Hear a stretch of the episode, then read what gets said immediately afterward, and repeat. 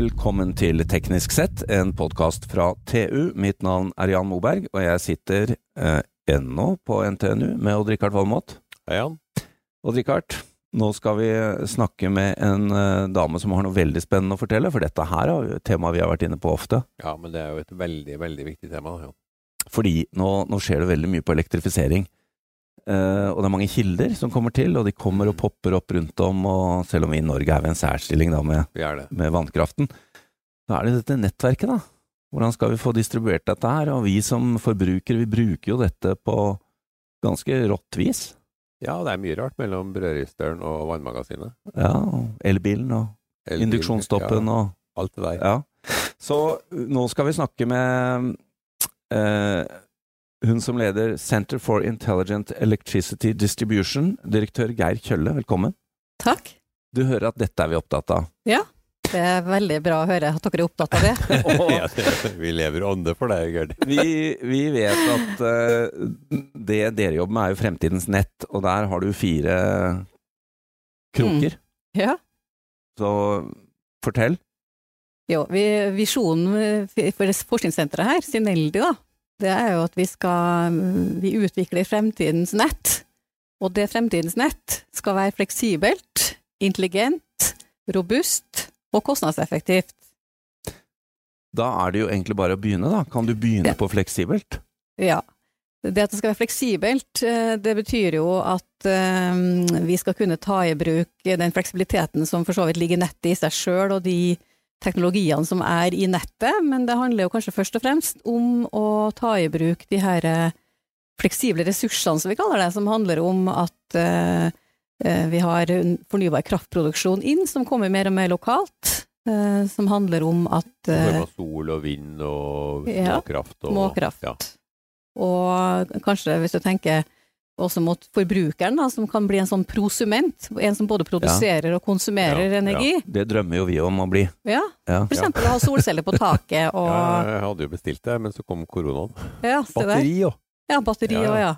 Du trenger jo gjerne et batteri, da, sånn at du kan på en måte styre og regulere det forbruket, og du kan bruke batteriet når du, til å i hvert fall dekke deler av det behovet du har, hvis at sola ikke skinner og du ikke får produsert. Mm. Og lade opp batteriet når sola skinner og du får produsert litt mer enn du trenger, osv. Så Ja. da kommer det jo en del kraftproduksjon lokalt, helt ned i lavspenningsnettet. Og den her forbrukeren da, som, som da kanskje har batteri og har eh, elbil, og som krever veldig mye lading, ladekapasitet, Mm. så det presser jo veldig på nettet, det blir store utfordringer i nettet. Vi går, vi går vel litt i Mm. takt også, som forbrukere, så dette her blir jo Ja. veldig større, Ja. høyere topper enn før. Ja, det blir så mye høyere effekttopper da, i Ja. veldig korte tidsintervall, kanskje, kanskje bare noen få timer i året at du virkelig trenger den ekstra kapasiteten. Og et nettselskap eh, skal jo bygge ut et nett for å håndtere eh, momentanbehovet for effekt. Ja. Du må alltid kunne dekke det effektbehovet som er til enhver tid. Og skal man hele tida drive og investere i nytt nett fordi det, du får økte effekttopper, så blir det her veldig dyrt for oss alle sammen. Eh, Så det er på en måte det, det store bildet her som vi, vi ønsker å gjøre. eh, Da må nettet bli fleksibelt og intelligent og robust og kostnadseffektivt. Så det Men- kommer litt inn på de der også, da. Ja, men på fleksibilitet, da, Mm -hmm. så er det jo som vi har snakket om tidligere, Odd Rikard, det, det virker Mm. som om vi som marked og forbrukere har større fleksibilitet enn vi, enn vi bruker. Ja. Er, er det sånn? Vi har ikke noe Ja. oss incitament. Har vi det? Nei, altså i dag så er det jo sånn at de aller fleste, jeg tror man kan sikkert si nesten 100 av oss, eh, vi bruker strøm akkurat sånn som vi vil når Det er gammel vane. Det er gammel vane. Ja. Og så er det mulig å se for seg at man kan få kobla ut varmtvannstanken en eh, kortere periode for å avlaste nettet, fordi at det merker du ikke pga. den termiske energien. Det er lange tidskonstanter her før temperaturen går ned. Ja. Eh, Det kan være en mulighet. Og så er det det at eh, eh, at vi kan bruke den fleksibiliteten som ligger i ja, For eksempel hvis du har solcellebatteri, så kan du avlaste nettet. Mm. Og du kan være villig til å flytte på forbruket ditt, kanskje. Det å lade opp elbilen kanskje på et annet tidspunkt, uten at du kanskje egentlig merker det òg, for det handler jo om intelligent styring. Mm. Og, det, og det begynner jo å komme nå. Ja, vi har jo allerede et eksempel på det på Risvollan borettslag i Trondheim, som sies å være Norges største borettslag. Der er det jo en sånn smart ladeløsning som fordeles på over 700 biler eller noe, jeg husker rett. Og, og der øh, utnytter man kapasiteten i nettet, da, sånn at man flytter, altså bytter litt på ladinga mellom de bilene. Og det er en sånn intelligent styring som, som da også er basert på en algoritme fra Sineldi. Og det er et firma som har, et lite firma som Ah. heter Noco, som har laga en smart løsning. Så dere lager faktisk eh, brukbare algoritmer, eller leverer Ja. noe som er til nytte? Ja.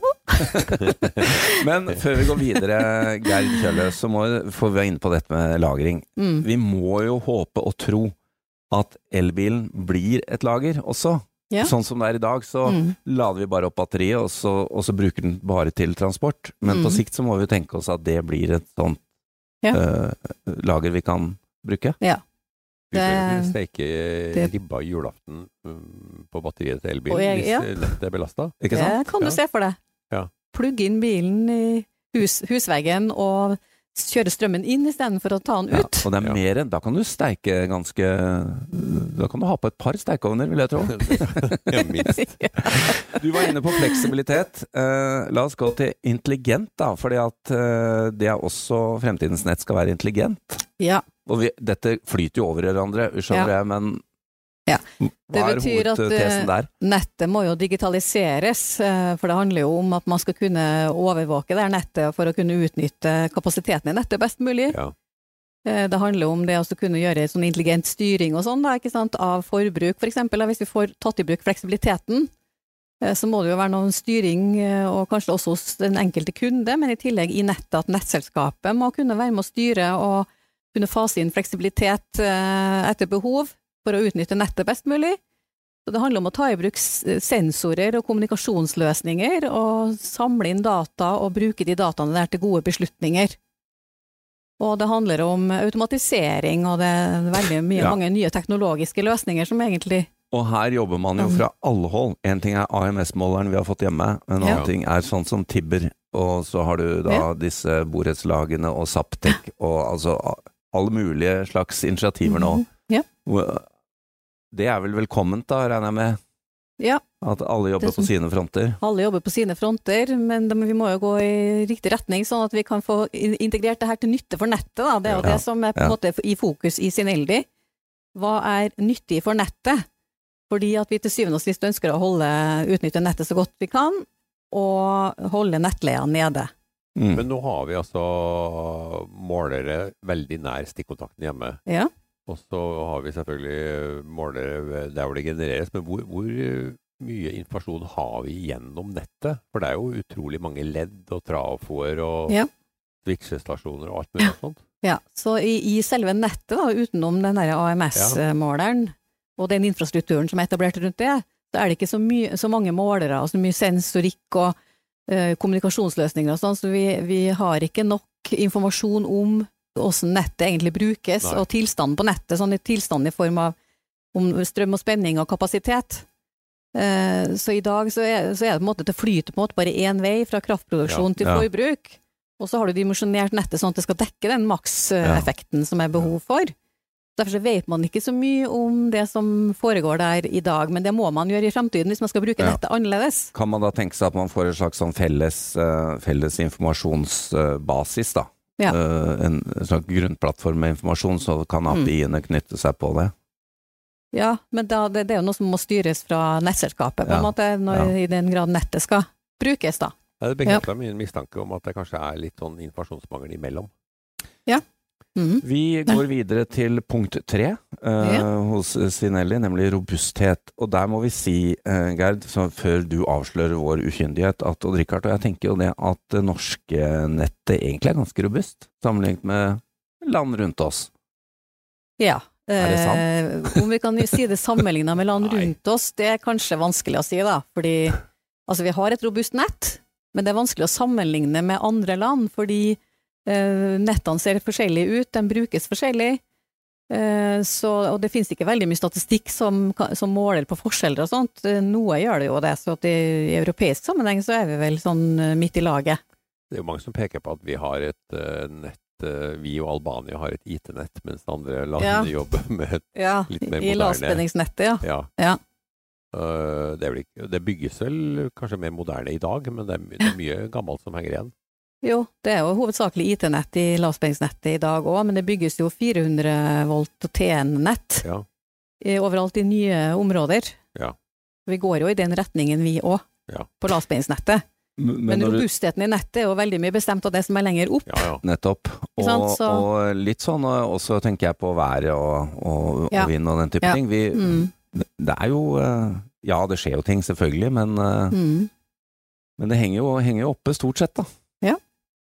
Så, Så hva er hovedfokuset deres da på den oppgaven? Ja, det handler om at vi må ivareta forsyningssikkerheten i fremtidens nett.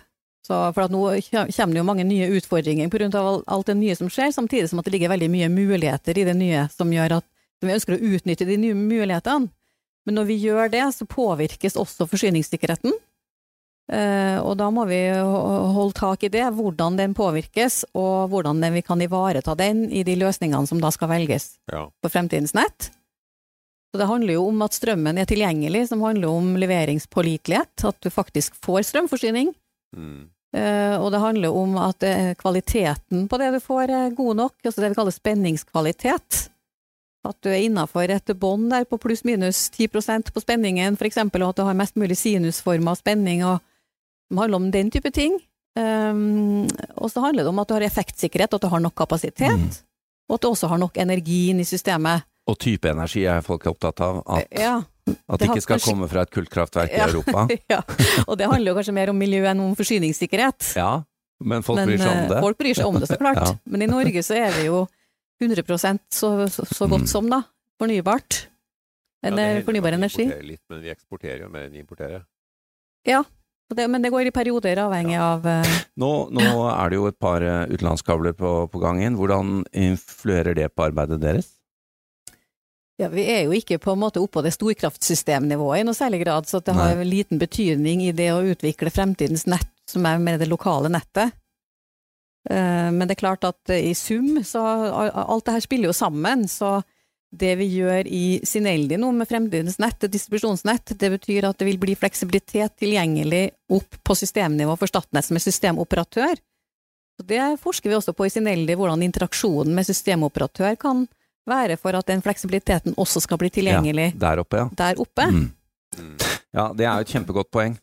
Uh, og så koker det jo egentlig uh, alt ned til det siste punktet her, da, nemlig mm. kostnadseffektivitet. Mm. Ja. Og det er jo sånn at disse nettselskapene rundt om er jo naturlige monopoler. Ja. Kan, uh, altså hvordan skal man holde de tøylene da? Altså vil ikke de kunne bare skru opp prisen og betale for det de trenger? Nei, de kan ikke det. Fordi de er jo, som du sier, de er naturlige monopoler, og de er jo veldig godt regulert, kan du si, av NVE, som er energiregulatoren da i Norge. Og det er også alle nettselskaper i Europa, og eh, jeg har jo en sånn regulering. Eh, og i Norge så er det veldig godt regulert, eh, nettselskapene, så de har jo en ramme for hvor stor inntekt de kan ta inn. Eh, men det er jo viktig at den reguleringa henger med på det som er de fremtidige riktige løsningene, sånn teknologisk og samfunnsmessig og sånn for øvrig, og at det skal bli samfunnsøkonomisk riktige løsninger. For energiloven, norske energiloven sier det at det skal være samfunnsøkonomisk riktige løsninger. For når du skal bygge ut nett, når du skal drifte nett, vedlikeholde, eh, så det er jo det som er på en måte i fokus i Sinelli, at løsningene skal være samfunnsøkonomisk riktige, og så skal du også ivareta forsyningssikkerheten og forsyningssikkerheten ofte vil trumfe alt, på en måte. Du må, ja. du må jo ha en sikker forsyning, mm. og du må dekke momentan effekt. Uh, så i dag, i dagens regulering, så spørsmålet er kan man da i fremtiden bruke fleksibilitet som et alternativ til nettinvesteringer, delvis da, kanskje utsette nettinvesteringer, eller delvis som et alternativ, så du ikke trenger å bygge ut så mye nett som du ellers måtte ha gjort. Eh, det er målet med det her å få det fleksibelt, og da må det være intelligent for å få det til. Og så er det å holde nettleia så lav som mulig samtidig, da, for det er også et gammelt nett. Det her nå det er et aldrende nett som trenger reinvesteringer, mm. og det må gjøres uansett. Så er spørsmålet å få gjort det på smartest mulig måte, samtidig som du skal ivareta elektrifisering og ny utbygging for å dekke elektrifiseringsbehov. Og da er det jo å få utnytta mest mulig av fleksibiliteten hos kraftprodusenter, hos forbrukere, og gjennom batterier og energilagringsmuligheter. Det har jo vært veldig mye debatt rundt effektprising i Norge, og nå begynner det å bli en konklusjon. Det blir en litt mildere ja. variant enn det som var foreslått. Mm. Så der, der har vi jo hatt en eh, ganske oppheta diskusjon. Avslutningsvis, eh, Geir Kjølle, må jeg spørre deg. Det er jo fortsatt eh, mange eh, nettselskaper i Norge. Mm. Nå er det noen fusjoner på gang, men er det, er det mye strekk i laget? Er det stor forskjell på hvor langt de har kommet, og hvor offensive de er på det arbeidet, innenfor, innenfor det arbeidet dere holder på med? Det er nok en del forskjeller, ja.